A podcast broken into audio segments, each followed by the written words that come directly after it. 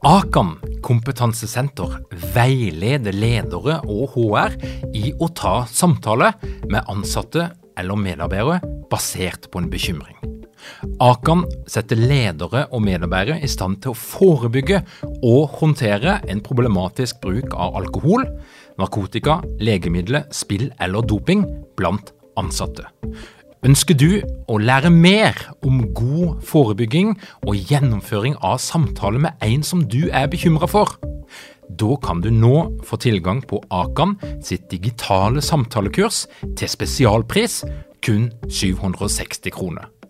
Målet med kurset er å gjøre deg tryggere i det som kan være en krevende, men viktig samtale å ta i lederrollen.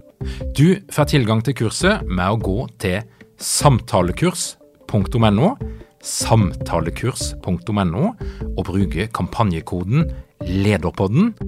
Tilbudet gjelder ut april. Lederpodden er gitt til deg av Execu.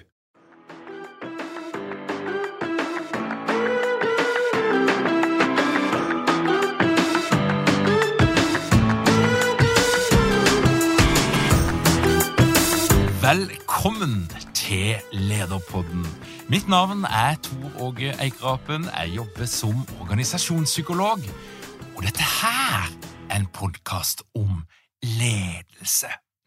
På sosiale medier så har jeg i mange år sett en meget velkledd fyr som har en greie på at han besøker bedrifter og konferanser og seminarer, og så klarer han å engasjere salen såpass mye at det ser ut som det koker på de her selfie-videoene som han legger ut. Og jeg har jo sett at han har et ganske viktig budskap om å være modig. Og dette var nok til å trigge min nysgjerrighet og prøve å bli bedre kjent med selveste mister modig Svein Harald Røyne. Men først noen ord fra vår sponsor. Hei, mitt navn er Cecilie Ysnes Myhre. Jeg håper jeg ser deg på vårens utgave av lederprogrammet, da jeg skal undervise om selvledelse. Velkommen til Lederpodden, Svein Harald. Tusen hjertelig takk, Tor Åge. Utrolig hyggelig å bli invitert. Det satte jeg kjempestor pris på. Du, Mister Modig, åssen endte du opp i den rollen, eller i den posisjonen? ja, jeg har fått det spørsmålet mange ganger. Jeg, jeg, hva skal vi si, jeg, jeg, har jobbet, eh, jeg, har jobbet, med ledelse i mange år, eh, og jobbet med merkevarebygging. Og da jeg startet eh, min foredragsvirksomhet, Eh, så, så, måtte jeg jo finne en eller annen nisje, en eller annen posisjonering eh, eh, innenfor ledelsesområdet som, som ikke var tatt. Og lang historie kort, så, så fant jeg ingen som brukte ordet modig. Du har mot, eh, som eksisterer mot ungdom og, eh, og skole, men, eh, men, ikke rett og slett mot næringslivet. parallelt med at jeg selv har vel jeg har hatt en reise som er beskrevet i min bok, eh, som heter Modig finn ditt hverdagsmot, hvor, eh, hvor, jeg selv fikk testet mitt personlige mot. Eh, og, så det ble min nisje.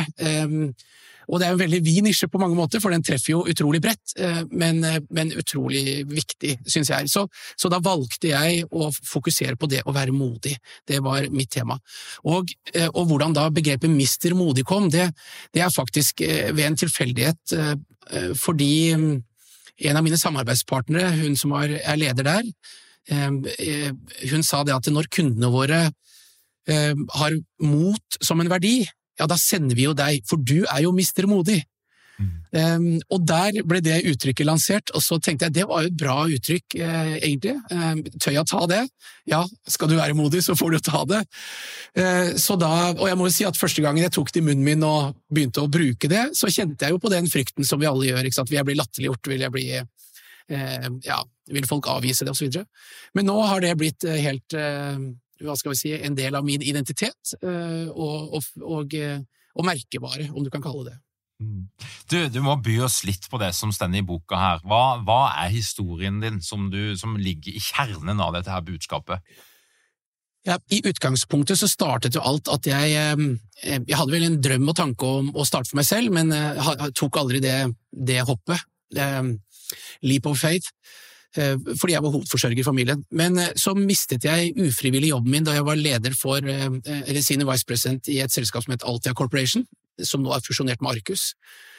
Og, og da, jeg, da jeg sto der og skulle vurdere hvilken vei jeg skulle gå videre, så, så engasjerte jeg ja, en, en, inspirator. Jeg hadde, var, på en reise hvor jeg skulle egentlig finne ut hva skal jeg gjøre, hva vil jeg gjøre. Ehm, eh, og eh, skal jeg gå tilbake og fortsette i næringslivet eh, og lede, slik som jeg har gjort tidligere, eller skal jeg gjøre andre ting? Og i løpet av den reisen så ble jeg, ble jeg tatt med på mange forskjellige oppgaver, refleksjonsprosesser. Um, hvorpå det utkrystalliserte seg egentlig hva er det jeg har lyst til å gjøre. Og, det er det jeg gjør nå. Um, og jeg har, jeg har, vært på ja, altså Man må nesten lese boken, fordi den er, um, jeg har gjort veldig mange eh, ting hvor jeg har testet ut og gått langt utenfor komfortsonen min, eller uh, stagnasjonssonen, som jeg pleier å kalle det. Og har blitt tatt med på aktiviteter som ja, som er veldig, veldig ubehagelig, men veldig morsomt i etterkant. Og så har du jo gjort eh, en, en, del ting som er litt sånn Norges utgave av Seinfeld. Seinfeld er jo en, en eh, Jerry Seinfeld han driver og kjører rundt med folk og, og drikker kaffe. Ja. Og du har jo, har jo, hatt en sånn serie der du kjører rundt med folk i, i kabrioleten din. Ja, det stemmer. Eh, hva, hva, hva var greia med det? du, det, var, det var ganske interessant. Um, hvor dette startet. Mange spør har du blitt inspirert av Seinfeld og de andre, men faktisk så, så kom ikke ideen derfra. Jeg var i, eh, på Arendalsuka og hadde hatt en fantastisk opplevelse, og da jeg kjørte hjem derfra, så kjørte jeg med caben min, og så tenkte jeg dette må jeg dele. Så da tok, jeg, eh, da tok jeg og gikk inn på Facebook, og så kjørte jeg live på Facebook eh, og fortalte hvor fantastisk jeg syntes det hadde vært. Og så slo det meg da jeg kjørte at vet du, Ehm, alle de gode samtalene jeg har hatt med barna mine, med, med kona mi og i det hele tatt, det er jo ofte i bilen. Hva med å ha med gjest i bilen, og så eh, ha en samtale og, eh, og, sende det ut live? Og der kom ideen. Eh, så da lagde jeg dette konseptet som het På kabriolettur med Røyne. Eh, og, og, har hatt med veldig mange spennende gjester. Eh, sist ut var politidirektøren, jeg har hatt med Jakob Skram, tidligere Norwegian-sjefen, og, ja, og mange for forskjellige områder i, i norsk næringsliv og underholdningsliv. Så veldig gøy. Og så, og så, kjører vi det live, så at det er helt uredigert, ekte. Ikke noe, ikke noe Vi kutter ikke noen ting, da. Svein Harald, vi må inn i kjernebudskapet ditt mot. Mm. Eh, og det er jo ganske tydelig at du, du, utfordrer jo de sosiale normene ganske godt når du er på scenen, og, og du får folk til å gjøre det samme. Det er, det er, men hva er det som er kjernen i dette her budskapet for din del? Eh, kjernen i budskapet mitt er at eh, vi mennesker generelt sett eh, vi begrenses av frykt i livet vårt. Vi, eh, vi har egentlig fra vi er bitte små, så har vi blitt innprentet at verden er farlig. Eh, ikke bevisst, men indirekte. For da du, da du gikk eh, ut og skulle leke i sandkassa da du var liten, eller da du skulle eh, eh, ut og leke med venner, når du skulle sykle til skolen, når du skulle ut på fest etter hvert skulle kjøre bil, hva var det dine foresatte sa når de gikk ut? De sa vær forsiktig, og, og, og, dette har vi hørt hver eneste dag, og de har sagt det med kjærlighet, men det de egentlig gjør, da, de, de jo livskiten av oss. De, de, forteller jo at verden er farlig, og vi er ikke i stand til å takle det.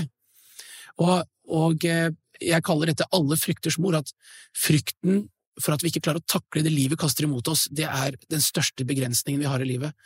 Um, vi er redd for at vi ikke klarer å takle å bli avvist, derfor så går vi ikke inn i situasjoner hvor vi kan bli avvist. Vi er redd for, eh, at vi ikke klarer å takle å bli latterliggjort, derfor så går vi ikke inn i situasjoner hvor vi kan bli latterliggjort. Um, og det gjør at vi, ikke vi, lever ikke et fullverdig liv, vi får ikke tatt ut det potensialet som bor i oss. Og det bor utrolig mye i hver enkelt, uh, og den største begrensningen er oss selv, uh, og de fryktene vi har. Og disse fryktene er jo ikke i utgangspunktet det vi er redd for, er ikke reelt.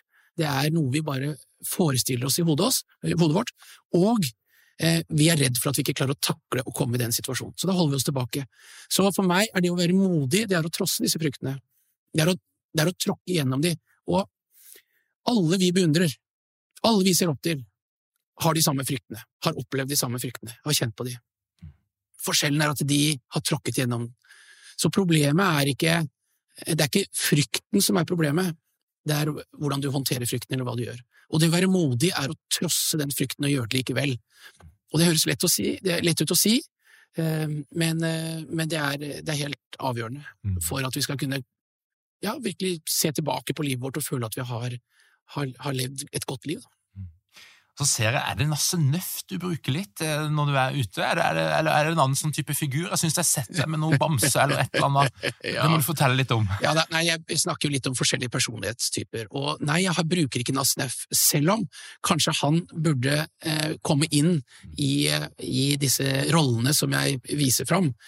Fordi han er jo kanskje den mest redde, og den modigste, for han trosser den. Eh, så, eh, men jeg har ikke brukt Nasse Nøff spesifikt, fordi når jeg har brukt disse Jeg bruker noen sånne, eh, hva kan du kalle det, ører, eh, som jeg har på hodet for å representere personlighetstyper. Mm. Eh, og da bruker jeg Tussi, selvfølgelig, og det er jo den personen som er redd for alt. Jeg bruker eh, Ole Brumm. Jeg bruker også noen som ikke hører til i Hundremeterskogen, noen djevelhorn og, og tigergutt. Så dette er for, for å forsøke å eksemplifisere personlighetstyper på en litt morsom måte, og lage litt humor rundt det.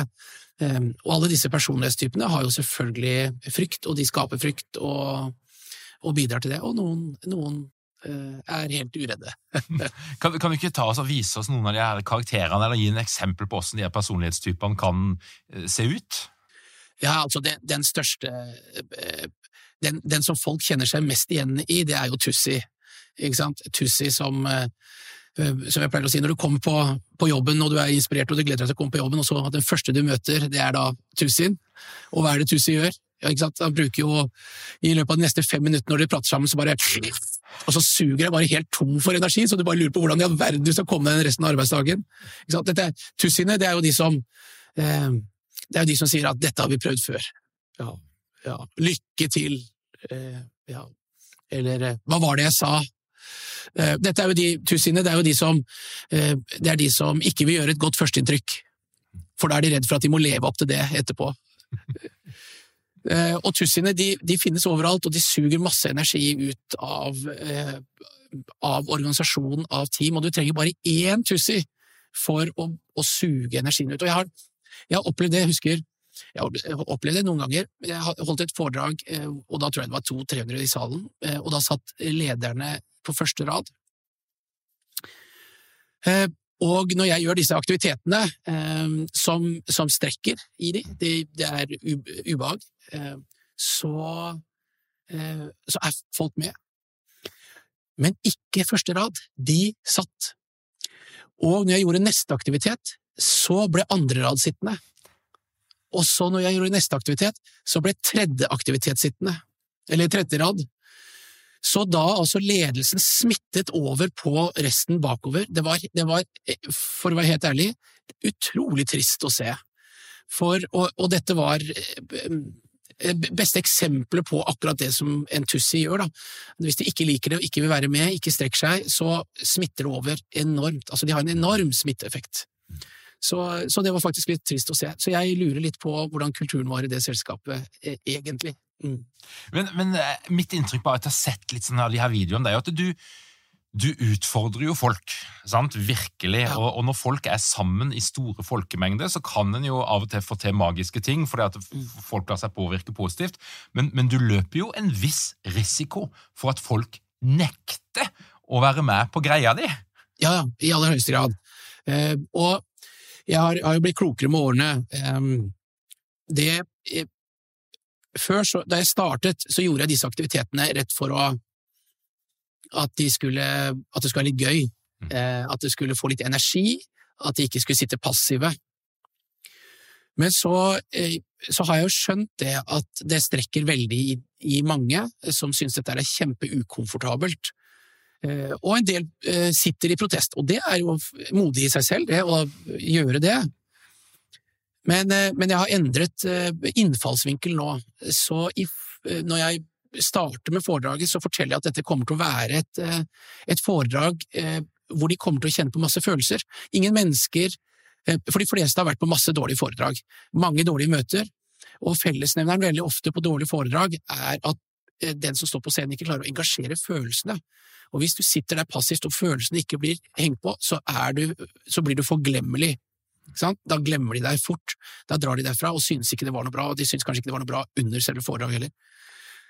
Så, så, jeg lover dem at de skal, de skal få kjenne på masse følelser, eh, alt fra latter, og det har de allerede gjort før jeg sier dette, og at de skal kjenne på undring, kanskje sinne, sårbarhet, eh, kanskje en klump i halsen, og så sier jeg, og ikke minst ubehag. Og da humler de litt, da. Og så, når vi da går igjennom og kjører denne, foregår går gjennom foredraget mitt, og vi gjør disse aktivitetene, så har de på en måte blitt varmet opp, eh, sakte, men sikkert, på en positiv måte, og, eh, og jeg ville aldri kunne klart å få de til å gjøre det på slutten, med den engasjementet og entusiasmen, hvis ikke de har kjent på denne berg-og-dal-banen av følelser, og kjenner på utfordringen. Men det er fortsatt noen selvfølgelig som synes det er kjempeubehagelig, men etter, helt på slutten, så gjør jeg et poeng av det vi har gjort. At det er en læring i det. Fordi, som du sier, når det står 400 mennesker i en sal, og de, de hopper opp og sier ta-da, og gjør disse aktivitetene, så, eh, så, er det jo litt sånn at de har blitt dratt med. At de har fått et gruppepress, og så har de blitt med. Men poenget er når de da skal ut i den virkelige verden. Eh, da har de ikke det. Og da står de der alene. Og da må de også trosse frykt. Skal de klare å utvikle seg, skal de klare å lande en avtale, skal de, altså uansett, skal du ta den vanskelige samtalen, skal du eh, fortelle en medarbeider at den har dårlig hygiene, eh, eh, så vil alle kjenne på frykt og, eh, og synes det er vanskelig. Og da tenker jeg at hvis de ikke engang klarer å engasjere seg og hoppe opp på noe så ufarlig som å si ta da sammen med gode kollegaer, venner, i en helt ufarlig setning hvor det ikke har noen negative konsekvenser, ja, hvordan skal de da møte verden når det faktisk har konsekvenser, hvor det er tøft, og hvor du kanskje står alene? Så, og, ved, og ved å få den, den broen der fra at de går gjennom til ubehag, eller skal gå gjennom ubehag og kjenne på masse følelser, til å få den oppsummeringen og forståelsen av det, så, så oppfatter jeg at eh, jeg har fått en helt fantastisk tilbakemelding på, på det. En, en sånn, mange sier at det er liksom mindblown. Eh, på grunn av det. Så det har vært en, en reise. Hei, jeg heter Bård Fyn. Gjennom 15 år i Forsvaret så jobbet jeg masse i team, og det bygde opp en nysgjerrighet om hva det skal til for å få det beste ut av samarbeid. Nå forsker jeg på å undervise om eh, hvordan psykologisk trygghet kan bidra til gode teamprestasjoner. Jeg skal delta med en modul på lederprogrammet til våren, der du skal få lære om eh, hvordan du på en praktisk måte kan lede til psykologisk trygghet. Jeg håper å se deg der. Eh, mer informasjon på lederprogrammet.no.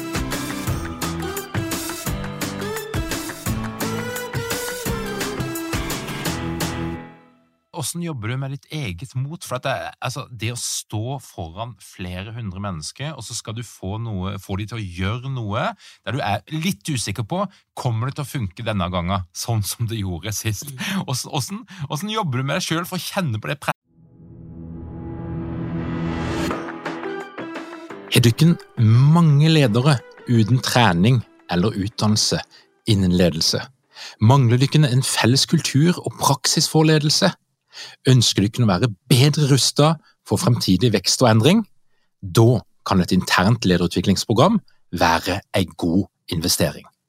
I Execu så er vi eksperter på å designe og gjennomføre bedriftsinterne lederutviklingsprogram.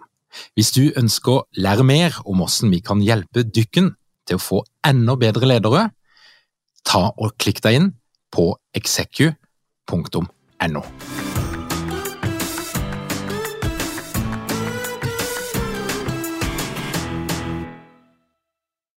masse, for det ligger jo alltid en liten risiko for at du kan falle skikkelig langt. Altså, ingen gjør det du ønsker de skal gjøre. Mm. Da, er det liksom, da stopper det litt opp. Det er, er, det er, jo, det er jo mange, mange, svar på det, egentlig. Ehm, jeg kjenner jo på frykt som alle andre. Ehm, og, og så har jeg, har jeg, verktøy for å håndtere det. Eh, den, eh, sant, du har den, den, styggen på ryggen som snakker til deg, som sier dette her, vil dette fungere, er jeg bra nok, eh, treffer jeg, ikke sant. Den styggen på ryggen den kommer alltid inn i alle samme situasjoner. Vil jeg bli avvist, vil jeg, vil jeg bli avslørt at jeg er ikke bra nok? Så ja, da har jeg stemmen. Og et verktøy jeg bruker, eh, konkret, det er jo at eh, jeg, alle trenger en motstemme i, i hodet sitt til den styggen på ryggen. Og det kaller jeg stjerne i hjernen. Noen kaller det alter ego, og jeg kaller det stjerne i hjernen. Eh, og eksempelvis Marit, Marit eh, Bjørgen, hun hadde en tiger. Så når hun kjente på at, eh, at styggen på ryggen kom da, og sa at nå har du ikke krefter mer, nå kommer de andre og tar deg, osv., så, så dro hun fram denne tigeren som klarte å snakke ned styggen på ryggen, og så hentet hun og manet hun fram det siste hun trengte. Så det er hennes Jeg, jeg har, jeg har mistet modig. -hmm. Så for meg er det min eh, stjerne i hjernen. Det er mitt alter ego. Så når jeg kjenner på eh, frykt, eh, så drar jeg fram Mister Modig og så sier jeg men du er Mister Modig. Du har vært gjennom masse eh, mye motgang i livet ditt. Du har tryna som leder, du har kommet deg opp. Ehm, du har mistet jobben, ehm, har blitt skilt Altså, jeg har vært igjennom mange eh, tøffe eh, både personlige kriser og, og så videre, og jeg har kommet meg gjennom det. Og så er statistikken på min side òg, ikke sant. 100% av de gangene jeg har vært eh, nede i en bølgedal, har jeg kommet meg gjennom, for jeg er her. Eh, så, og det er en grei statistikk å ha med, da. 100% er bra. Så, eh, så det, er, det, er, litt hvordan man kan snakke til seg selv og tenke. Så det er det ene. Men, men så kan man jo, og, og, jeg generelt, og det anbefaler jeg alle, det er jo å gjøre noe med dette grunnfjellet ditt. At du bygger en eller annen trygghet i deg selv som gjør at uh, uansett hva livet kaster imot meg, så takler jeg det. Uh, og jeg tenker, og det er mitt mantra, da, uansett hva livet kaster imot meg, så takler jeg det. Og tryner jeg, ja, da tryner jeg. Det er en læring, det òg. Um, fordi hvis du, hvis du, er modig og trosser fryktene dine, eh, da åpner du opp for å feile. Mm. Det åpner opp for at det ikke går bra. Sånn er det jo. For hvis vi, hvis vi skal trosse frykter vi skal, og ikke tror vi kommer til å feile, nei, da trosser vi det ikke, da lar vi heller være. Og, eh, så den viktigste lærdommen i livet er jo de gangene du tryner. Eh, og jeg, derfor tenker jeg at det er ikke så farlig. Og når jeg ikke er redd for det lenger, da har jeg funnet et skikkelig trygghet i meg selv. Um, og den unner jeg alle andre å kjenne på. Det er, for det er en fantastisk god følelse å kunne gå gjennom livet og kjenne på at Altså, uansett hva som kommer imot meg, så takler jeg det. Og et, en av de viktigste verktøyene er selvfølgelig å virkelig, eller flere ting, eh, er å gå gjennom verdiene dine og finne ut hva er de. Og der er folk altfor dårlige. Eh, og én ting er hva verdiene er, men hva betyr det i praksis? Å begynne å kikke scenarioer i livet sitt basert på verdiene. Ja, hvis det skjer, hvordan vil verdiene mine rettlede meg i de situasjonene? Ehm, så, så, så jeg tenker det å, utkrystallisere hva som virkelig er verdiene dine. Um, og, det er, og, det er, vanskelig å finne de òg. Det finnes så utrolig masse verdier. Men, eh, men det er en, en, prosess som jeg gjør, og gjør med ledere, og, og har gjort for, for meg selv òg, som, som um, rettleder meg. Så når jeg kommer i situasjoner hvor jeg får dilemmaer, uh, så drar jeg alltid fram de og tenker er det, kan jeg stå for dette, er, er dette meg, er det riktig? Uh, så det er det ene. Og det andre ting er selvfølgelig dette med, med sårbarhet. Jeg mener at vi alle sammen har rett skap vi burde komme ut av. Eh, eh, det vi skjuler, det vi ikke ønsker å dele med andre mennesker, det som vi syns er sårbart og vanskelig, når vi ikke deler det, så bærer vi på det, og hvis noen er i nærheten av å pirke det, så gjør det veldig vondt. Eh, jeg tenker hvis du klarer, Med en gang du deler ting som er vanskelig, og sånn, så ufarliggjør det det, og da kan du stå mye tryggere i livet ditt. da. Så det har ikke noe med legning å gjøre, det å komme ut av skapet, det har med ja, mange ting. Sånn som da jeg tryna som leder i Nidar, jeg kunne jo selvfølgelig ha lagt lokk på det, ikke delt det til noen og gått videre, men eh, har jeg heller valgt å dele det helt åpent og ærlig. Eh, og på den måten så er jeg mye tryggere, og så får folk tillit til meg. Da. Mm. Nå nærmer vi oss jo avslutning på året, og det er en del ledere som skal opp på scenen. De skal fortelle et eller annet om året som har gått, og, og vi er kanskje begge to enige om at en del ledere klarer ikke den oppgaven helt, fordi de er litt prega av den frykten og den eh, graden av ukomfortabelhet som, som, som, de kjenner på. Og jeg tenker jo at det er ganske mange ledere som kan lære mye av det når det gjelder det å stå på en scene, skape følelse og utfordre sin egen frykt. Svein Harald, hva er dine beste råd til ledere som nå skal opp på en scene foran sine ansatte, hvordan kan de skape litt mer magi enn det de pleier? Mm. Ja, da, dette her er en kjepphest for meg. Dette her er jeg så opptatt av. Og jeg har, holdt, jeg har trent ledere som skal opp på scenen, og, og, jeg mener at de aller fleste ledere, og gjerne toppledere, de misbruker anledningen når de står foran sine medarbeidere. Jeg, eh, det er ikke så lenge siden jeg var og holdt et foredrag, og da, eh, da skulle eh, øverste leder opp. Og jeg snakket med øverste leder, og vedkommende var så flott. Sprudlende, entusiastisk, ja, skikkelig, skikkelig kul person. Og så gikk vedkommende opp på scenen og gjorde den dårligste figuren jeg har sett på lenge. Det var så begredelig, og jeg, klarte, og, og jeg konsentrerte meg, og jeg klarte ikke å få med budskapet. Og det var masse foiler, og det var, det var Og alt som ble sagt var riktig, men det var ikke, det var ikke et hjerte som beveget seg der nede eh, i salen. Og, og, og, ikke engang hjernen klarte å henge med, tror jeg. Jeg, altså jeg klarte ikke å få med budskapet, så dårlig var det. Og jeg var så skuffet, jeg var, jeg var helt Jeg ble så lei meg, både lederens Eh, på lederens vegne og for medarbeiderne. Så dette syns jeg er utrolig trist. Og jeg tenker det første en leder må tenke er at når du først står der oppe foran dine medarbeidere, da er oppgaven din å få de til å ha lyst til å gå tilbake på jobb i morgen. Til å virkelig bli inspirert for framtiden. Eh, og da er historikk egentlig helt uinteressant. Ja, du kan gjerne feire og sånn, men jeg, jeg, jeg sier nesten Kutt powerpoint hvis du skal ha, gå gjennom finansielle tall videre. Altså, ok, la få noe finans å gjøre da, eller noen andre, men ikke gjør det du som toppleder. Ta og, ta og stå der oppe, vær, vær deg selv, fortell historier. Fortell historier som eh, du kanskje har opplevd i livet ditt, som er relevant i forhold til jobben, læring, historier fra møte med medarbeidere. Altså, beveg hjertene til folk, ikke, ikke altså, fakta er uinteressant, nesten. Det er historiefortelling, å bevege folk, det er jo det som, som betyr noe, det er det folk husker. Og jeg har, jeg har, flere eksempler på dette her. Jeg husker da jeg jobbet eh, I min første lederjobb så jobbet jeg i Orkla Lilleborg, og da kom Jens P. Heierdal, konsernsjef, skulle holde foredrag for oss.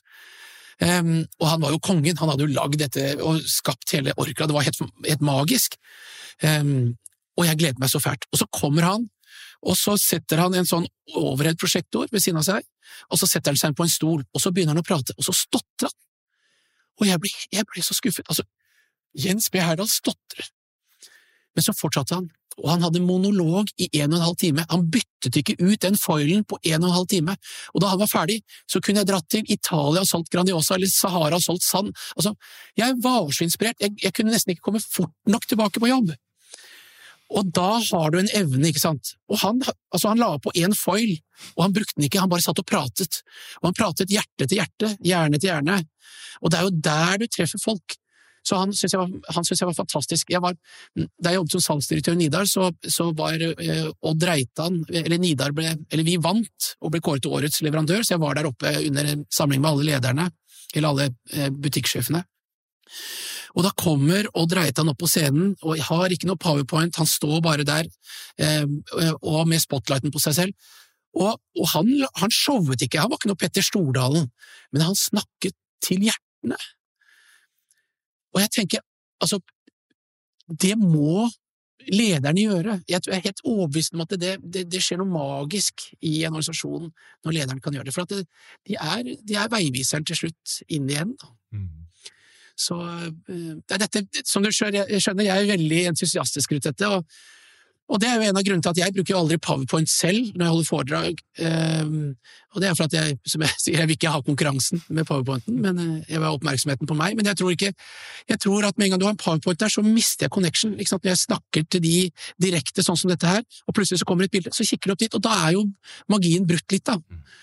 Ehm, så ved at det ikke kommer nye bilder der, så, så, klarer jeg å holde fokuset på meg, da jeg, men da må jeg skape bilder i hodet deres, ikke sant? Og da er det historiefortelling. Så jeg tenker for alle toppledere, samle på historier, interne, fra livet generelt, alt, i forhold til noe som du føler kan være relevant for medarbeidere. Det å skape mot i en eh, kultur, det, det, det tenker mange snakker om. Vi snakker om psykologisk trygghet, vi snakker om at du skal feile. Altså Dette her er jo noe som er eh, Du, du stender på ganske solide skuldre når du fremmer dette her eh, budskapet. Mm. Men hva er det ledere og mennesker gjør for å bidra til mer mot i en organisasjon?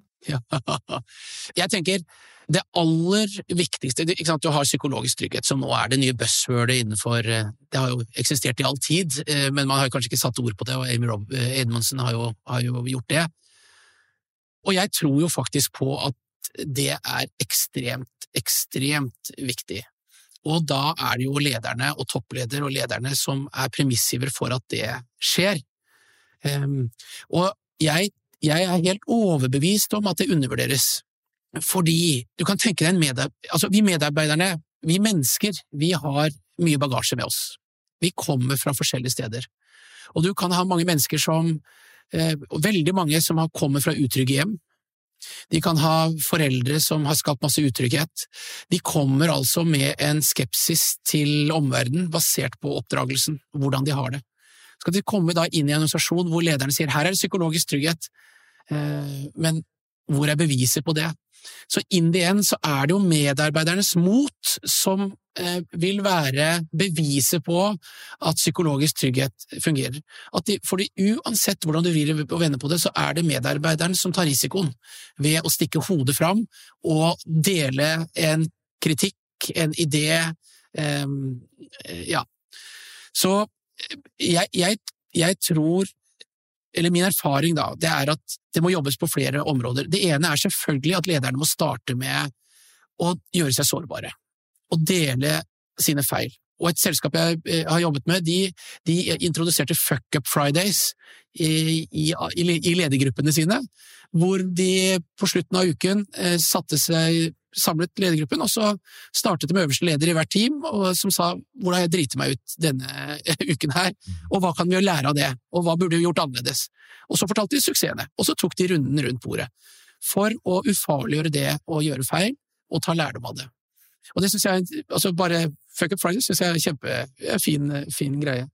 Det er det ene.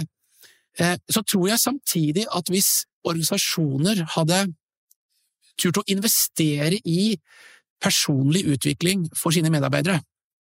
Så kan du starte med lederen og ledergruppe, hvor de faktisk får bygget dette grunnfjellet sitt med medarbeiderne, virkelig gå inn og trygge det. Eh, for det er, det er jo en toveis eh, samarbeid her for å klare å skape denne eh, tryggheten. Mm. Og, og jeg tror at det er veldig, veldig mange mennesker, eller ledere og medarbeidere, som ikke har den tryggheten i seg selv som gjør at de de spiller på lag i en organisasjon hvor, det, hvor, man ønsker å ha psykologisk trygghet. Jeg tror de fortsatt er redd og holder tilbake.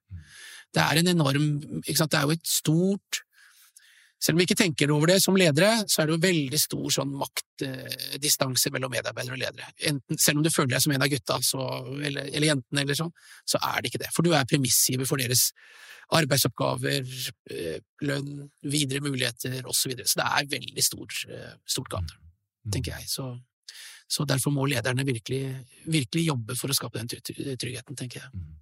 Svein Harald, er det noe som eh, du har lyst til å melde ut til Lederpoddens lyttere som jeg ikke har spurt deg om?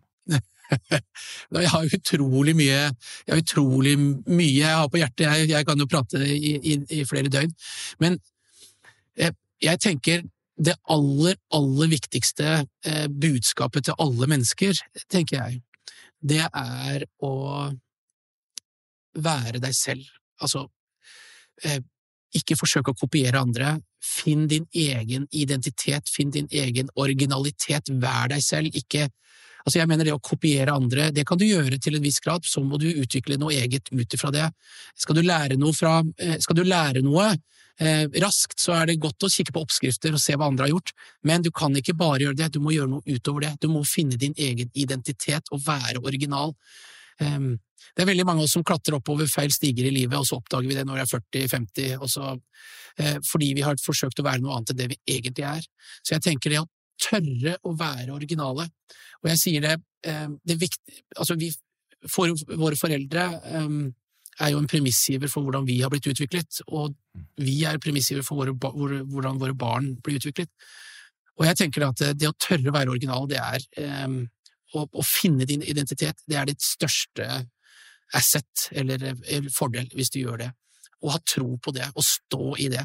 Det er ikke alltid enklest, fordi vi er jo sosiale dyr, vi vil bli likt. Så, så, vi gjør jo alt vi kan for å ikke bli utstøtt og avvist. Um, men men da, da, bygger, da, da, utvikler man seg på feil premisser, eh, som oftest. Da. Mm. Da er det heller bedre å utvikle din egen originalitet og bli likt for den du er der, for den kan du leve med hele livet, mm. istedenfor at du forsøker å være noe annet enn det du er. Så det er jo kanskje mitt beste råd. Svein Harald, jeg kjenner at jeg gleder meg til å oppleve deg live og bli en del av denne massesuggesjonen som du, eh, som du bedriver. Det er et veldig viktig budskap. Tusen hjertelig takk for at du kom til Lederpodden, og nå er det jo kanskje lov å ønske en god julehøytid? Det er det. Jeg skal nyte den så godt jeg kan, og det håper jeg du gjør òg, og alle andre. Så, men tusen hjertelig takk for at du fikk komme. Kjempehyggelig.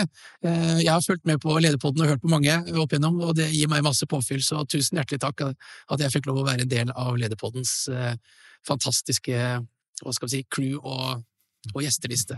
Tusen hjertelig takk. Og til deg som hører på, hvis du har lyst til å holde deg oppdatert på alt det som skjer i vårt lederunivers, da gjenger du inn på lederpodden.no. Du trykker på den rette knappen, du skriver inn din e-postadresse, og du vil få vårt ferske nyhetsbrev i din innboks hver fredag. Hvis du ønsker å lære mer, hvis du ønsker å utvikle deg, hvis det er denne våren der du skal ta noen store steg i dine ledersko, ja, så har vi altså et eget program som heter Lederprogrammet. Det er hybrid, og det starter 28. februar. Og vi har fremdeles noen ledige plasser, og du kan finne ut mer på lederprogrammet.no. Takk for at du hører på Lederpodden. Vi høres igjen om ei uke.